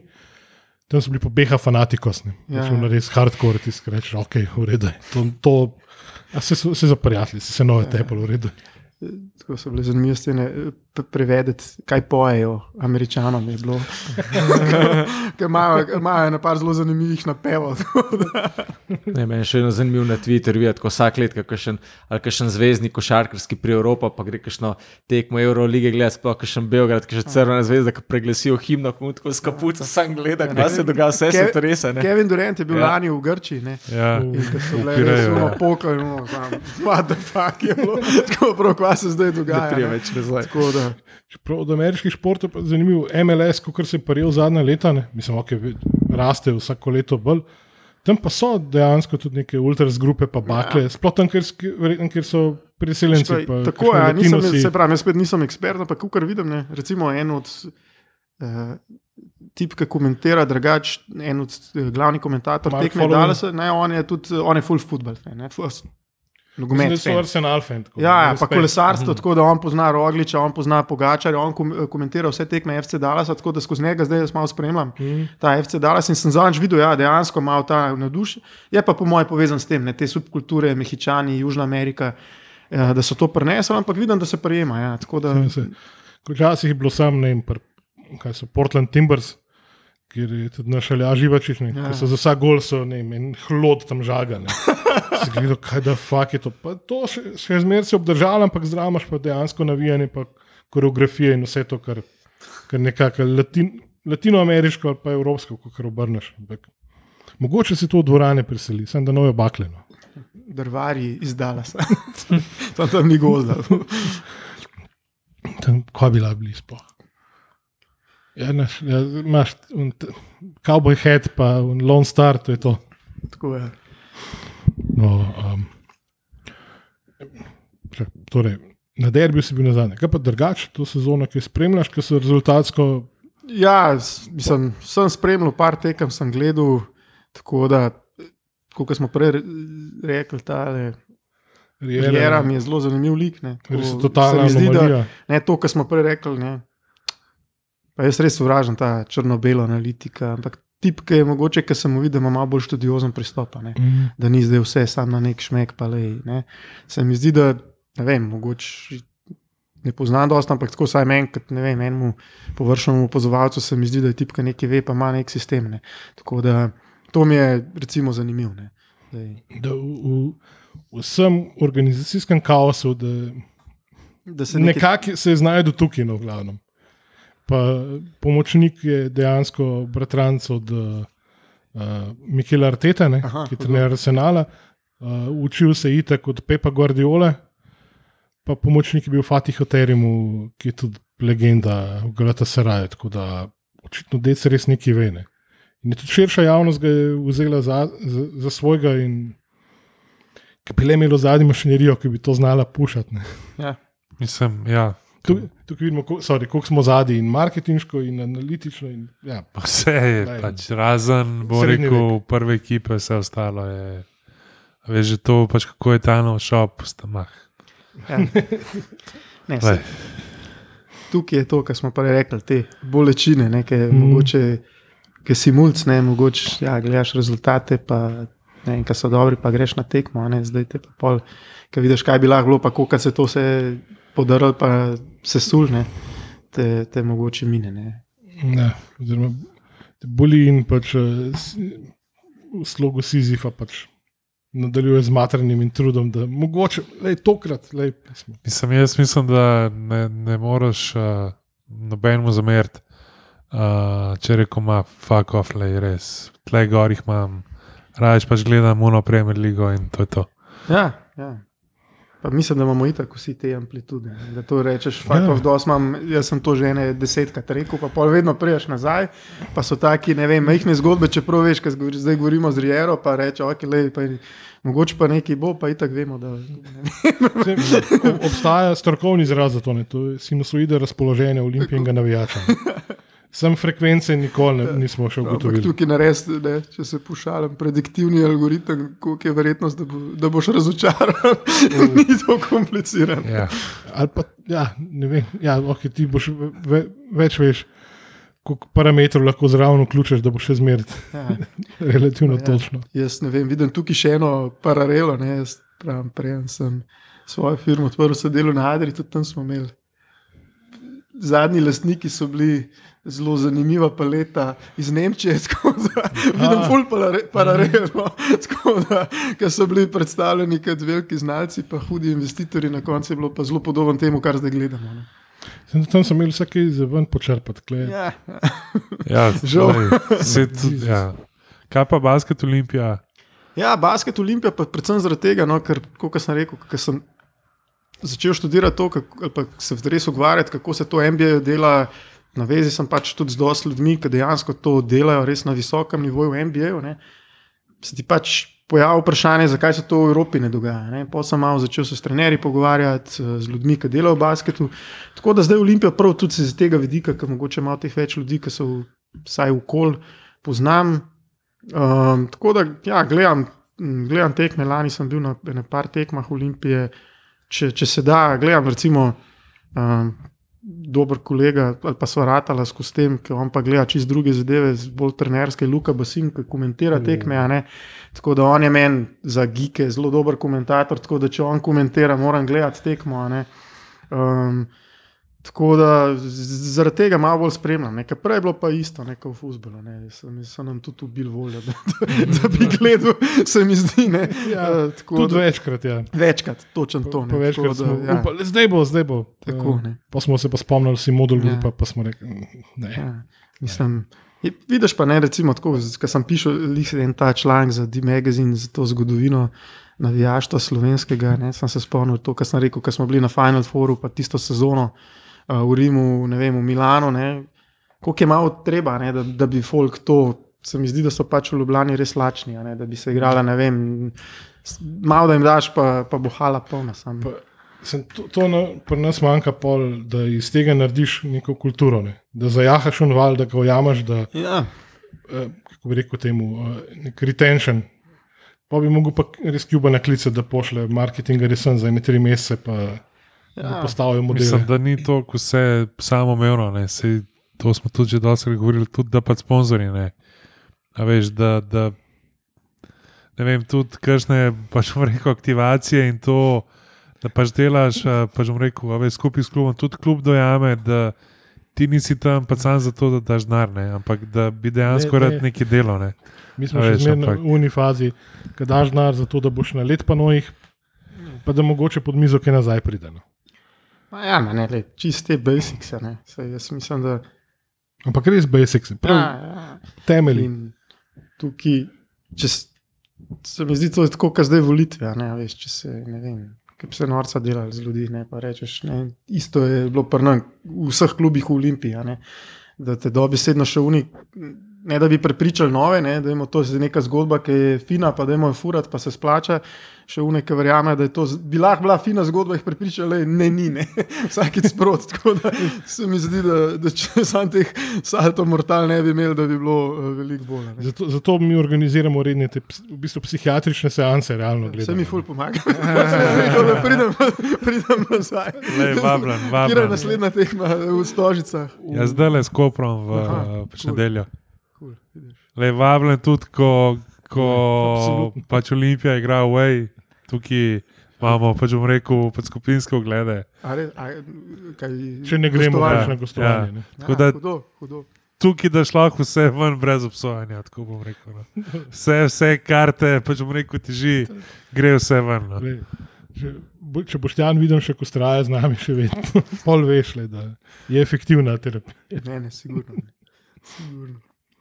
To, um, ja, torej, CD-vito Olimpijo, da ne bomo, uh, da ne bomo um, kako bi rekel, prekrajšali za v bistvu del imena, ne sponzorski naziv. Ne. Uh, Omenil si Luko Basina, jaz po mojem, vsem zelo všeč uh, Mhm. to, kar počne. Um, tudi če nismo ne vem, kakšni eksperti, tisti videi, ki jih posta tudi na Twitterju, so genialni. Jaz se ga spomnim sicer še iz vloge, ki je bil prvi trener eh, na, na Bežigradu. Mhm. Uh, jaz sem enkrat šel na en trening uh, B ekipe, pa je to, bil, to bilo to. No. Uh, ampak on, ki je imel v tisti ekipi, valjda pač navoženo vse, kar je res haralo v basketu. ne, In, ki so tam od izgledali, tako da, da se nam je v bistvu kar smilo. Ki je en Željko Zagorec je pač tam lutal naokol, ki je vedel, da bo zmetel ni sedem trojk, pa je to tone. Poslušal ga ni po mojem prav noben. In v bistvu še dobro, da sem takrat ni zameril cel poklic do konca, ne. da je pol ustrajal. in Z Olimpijo ima on še kaj veze? Ali?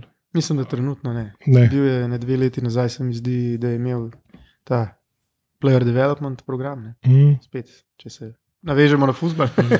Nek, eno osnovo, a ne, Ja, pravi, ja. kjer ti dejansko ne, um, vzgajaš. Ne. Zdaj pa mislim, da ne. Mm, spet temelj. Ja. Tako kot uh, mladinski pogon, takrat še Union Olimpije, ki so v bistvu večino selekcij imeli še študenti, ki so bili plačani tisti, tisti 200-300 evrov na mesec, pa no, še to ne. In to je temelj v bistvu kluba, da gradiš, da delaš igralce za prihodnost. Ne.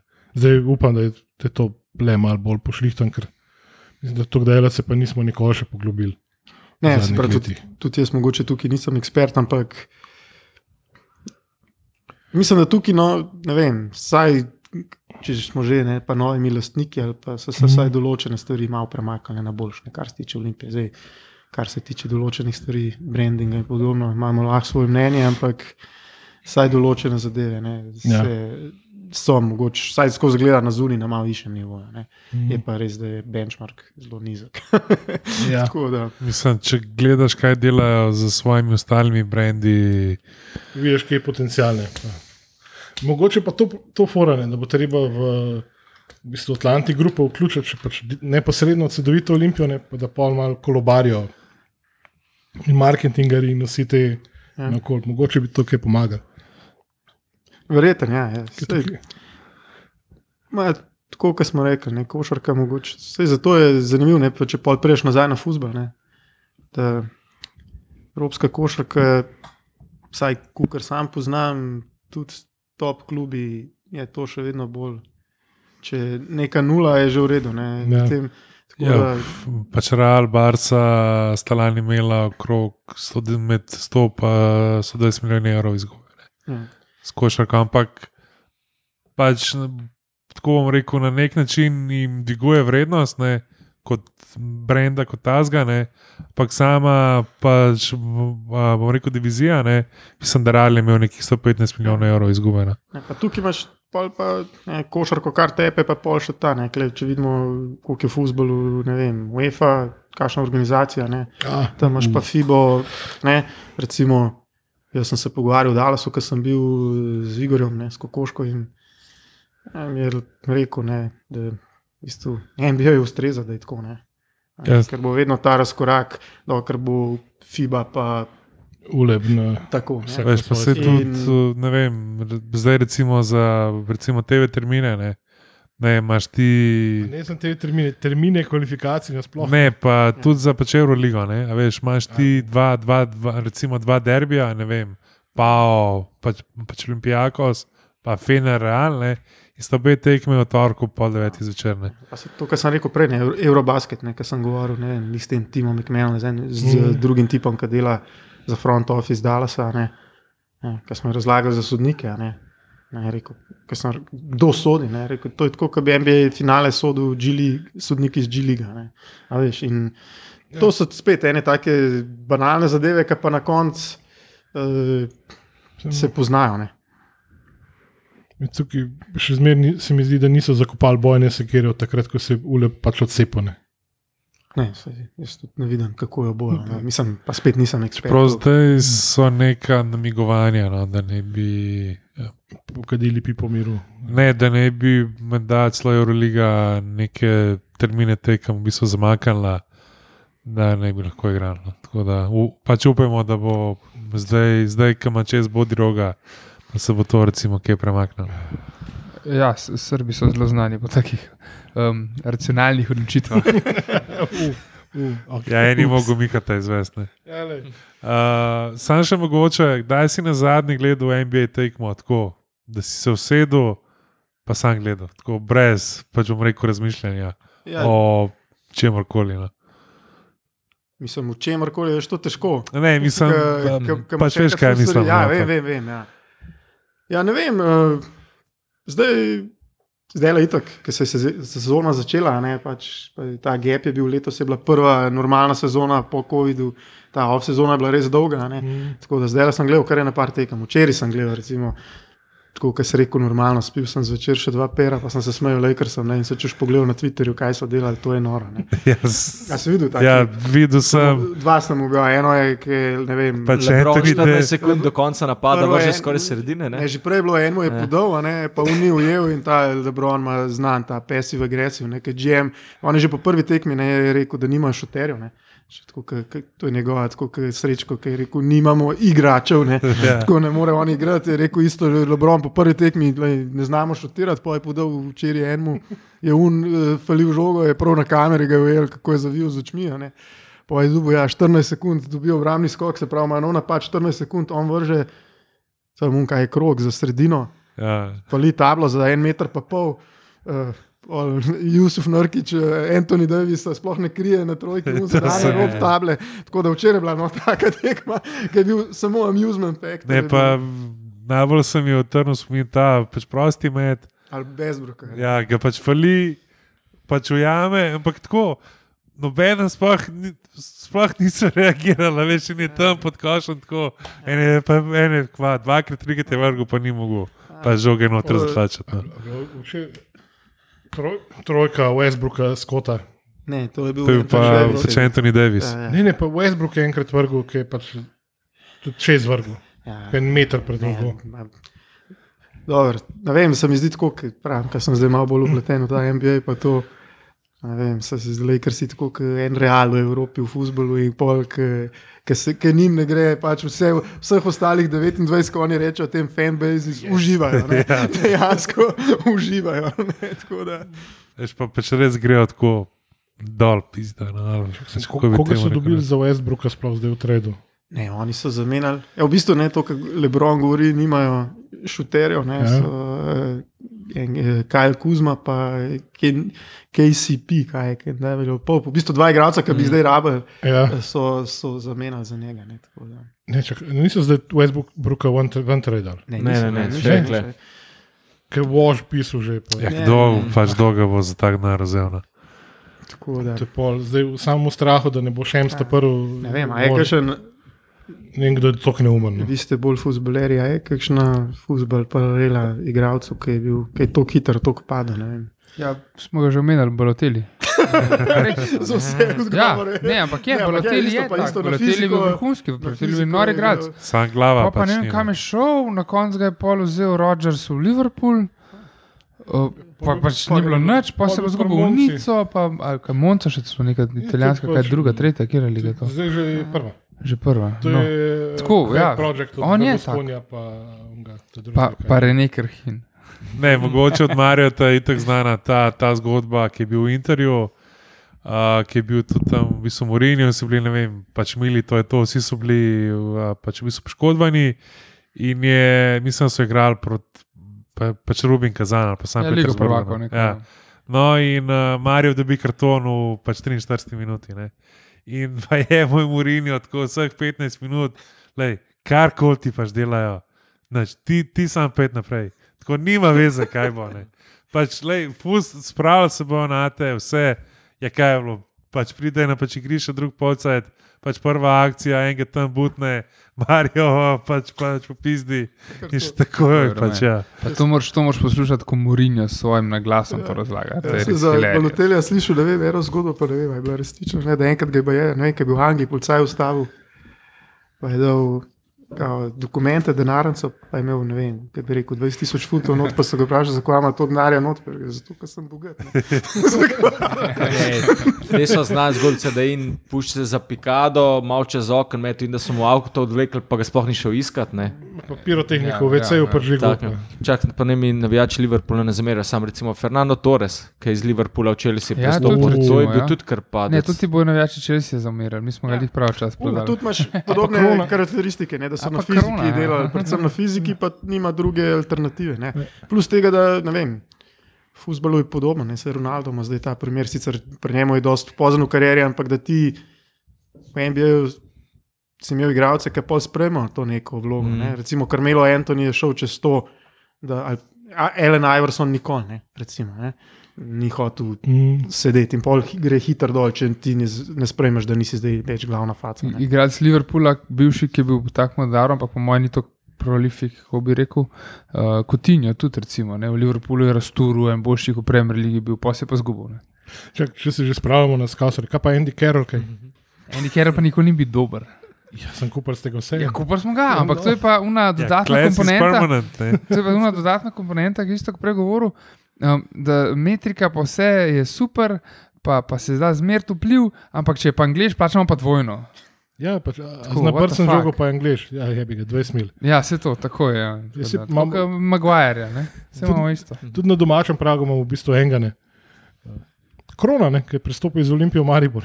Saj tukaj so tudi že leta, po mojem. Ja. Ampak ok, pa to. Pa, Nam je dal je ja, nam je to najboljše.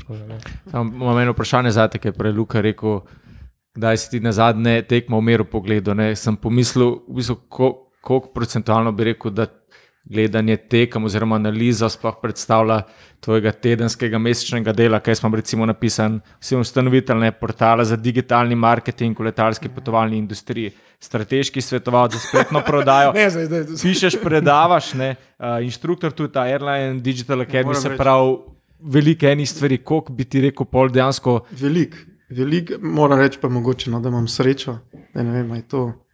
Ali pa smola, da je bil to malo, ali je to midlife crisis, da si rečeš, da bom probil nekaj, kar si si skozi hotel delati. Um, tako da imam srečo, da to recimo svoj privat biznis, ki delam, da, recimo, da si lahko prvošam, da imam tega časa trenutno malo več. Je pa res po drugi strani to, no, kar smo prej rekli, da ko se učiš recimo neke data science koncepte, napredne metode, je pa tukaj tako fino to, da so ti pač predstavljali, se, kaj bi ti za futbol delal, ne, da ti v- za olimpijo, ne, da ti je vsebina tako zanimiva. Da te vleče, da iščeš neke zgodbe, ne, ki jih probaš najti in se učiš. ne. In tukaj dejansko te zadeve, koncepte, ki se jih, kot sem že na začetku omenil, ki se jih naučiš, so aplikabilni kjerkoli drugje. Tako da v bistvu za ta čas, ki ga jaz porabim, predvsem to, kar ne zdaj za gledanje tekem, to težko v marketingu uporabljam, ampak kar se tiče pa analiz, pa bolj teh vem, naprednih. Uh, data science konceptov pa so zadeve, pa v bistvu bolj kot ne investicija, da jih lahko pač druge potem ponucaš ali pa prodaš ali pa kakorkoli. Pa imaš tudi recimo, kakšne uh, letne načrtovane izlete, recimo v Ameriko, da greš se reče enkrat Za na let, bi pa misliš? šel, ja, recimo Ja, pogledat. letos, se pravi, kar se tiče poslovno, moram tam do februarja nekaj večji research, ki delam, končati, tako da je plan, upam, da žena ne posluša. bo Treba, eh, se bo mogel odkupiti, ampak je plan spet letos, potem verjetno pol, tisti del, pol starju, februar, marc, verjetno, če bo vse ok, spet malo dala se. Pa je tokrat ne bo šel za sabo. ne.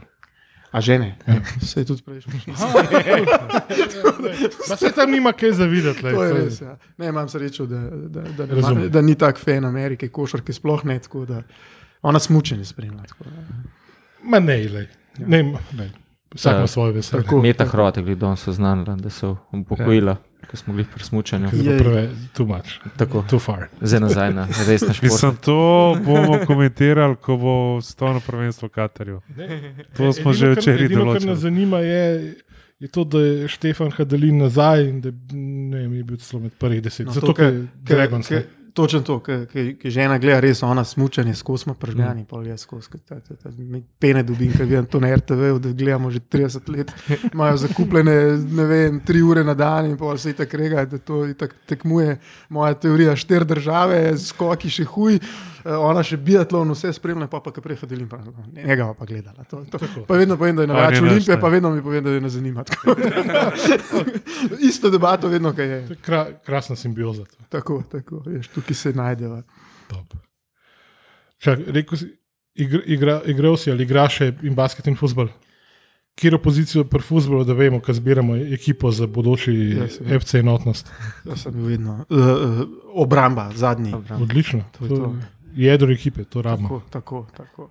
Pa vodja, v bistvu, bom rekel, pač Scoutinga, vse, vse, kar se da zmerati. Ja. Ja, sorry, on, bo, vodja digitala. on, on bo pomočnik Tine Tuzupanu. Čak, pa še v marketingu si delal prej. Ne? Hočeš reči, da tam prodal kakšen drug klub. Ne, mene, mene res. A, ampak ne, eh, da pač zgradimo zdravo jedro pač To pa. za to pa. naprej. Super, prav, prav imamo marketing, ma, vse ima. Gre. Top. Uh, ja, mislim, da smo počasi. Pri uh, Vijugal Ja, pri, ja, uh, pri Karval do, do konca. Uh, hvala, da si si rekel, čas. trgu čas. Uh, da je zdaj dala, si igra naslednjo tekmo. Prav, torek v Ameriki, sredo po noč, z New Orleanom. Uh, Zahodna kaj- konferenca. Ja, kaj pa, dobro, sam še mogoče, sem še ena stvar zajon. Ja, to, je pa, lej, to je pa ena zadeva, ki sem se zdaj slučajno lotil. Um, to, kar smo prej govorili, ne, te fizični friki, zajam, tipa igralca, ki ga pogledaš. Ne. Sem delal z enim tipom za analizo, ne vem, ali bo to kje objavljeno, sem pa večino že naredil. V Ameriki je en tip, ki dejansko ima celo bazo vseh poškodb. In kaj smo gledali ne, skozi analitiko, je, a je obstaja igralec tipa zajam, ker ga v zgodovini ni bilo. Ne. Ne, prej, ko smo govorili, ne vem, Larry Johnson, Sean Kemp, Charles Barkley, vsi ti majhni, debeli, Čokati, ja. nabiti, eksplozivni so full hitro kon, poškodb, zaradi poškodb končali.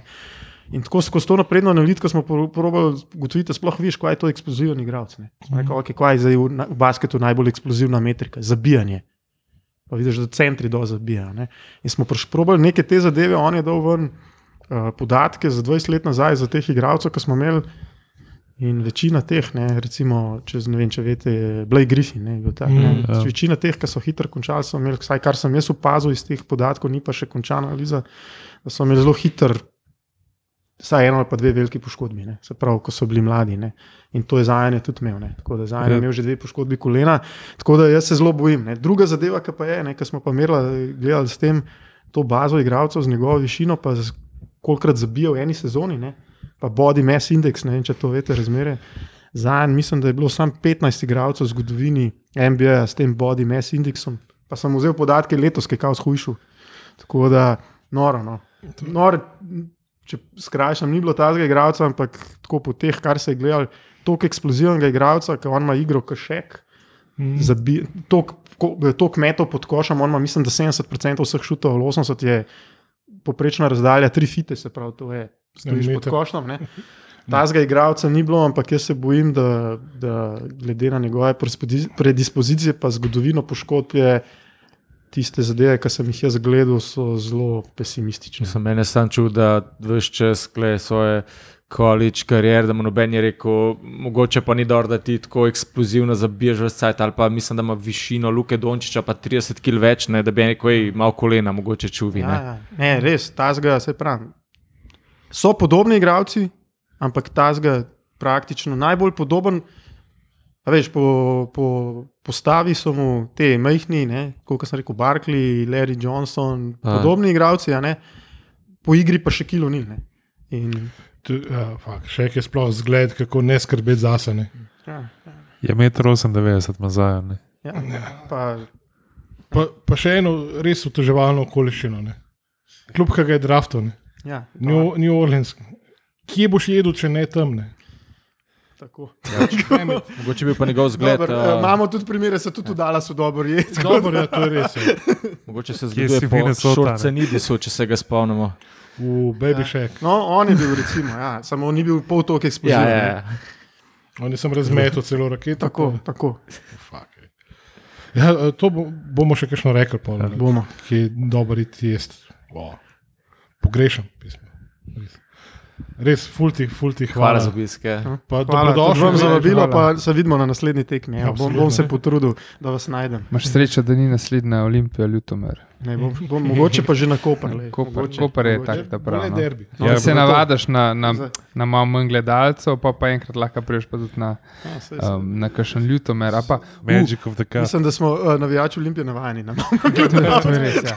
No, nas ni treba navajati. Ne, um, ja, zdaj sem zvedel, zdaj smo rekli, da mogoče dobimo uh, kako že cven v, v pokalu. Zdaj sem vedel, da je cven, da se pravilno zgori in da ne In greš, imajo v grbu? da ne greš v cven, ampak greš na cven. Ne vem, kam je grbo, to pa še zmerno vem. Sam vem, da sem dobil No, bevržeja. To, uh, Sploh ta uh, severovzhodna regija je bogata z uh, generičnimi kliparti iz Korel Droje spred 15 let v Grbih. In mislim, da bo treba eno profesionalno akcijo narediti, da se to popravi. no. Anyhow, uh, hvala Hvala. lepa, da si prišel, pa vedno dobrodošel. Absolutno. Ja, hvala vam za vabilo, pa še kdaj.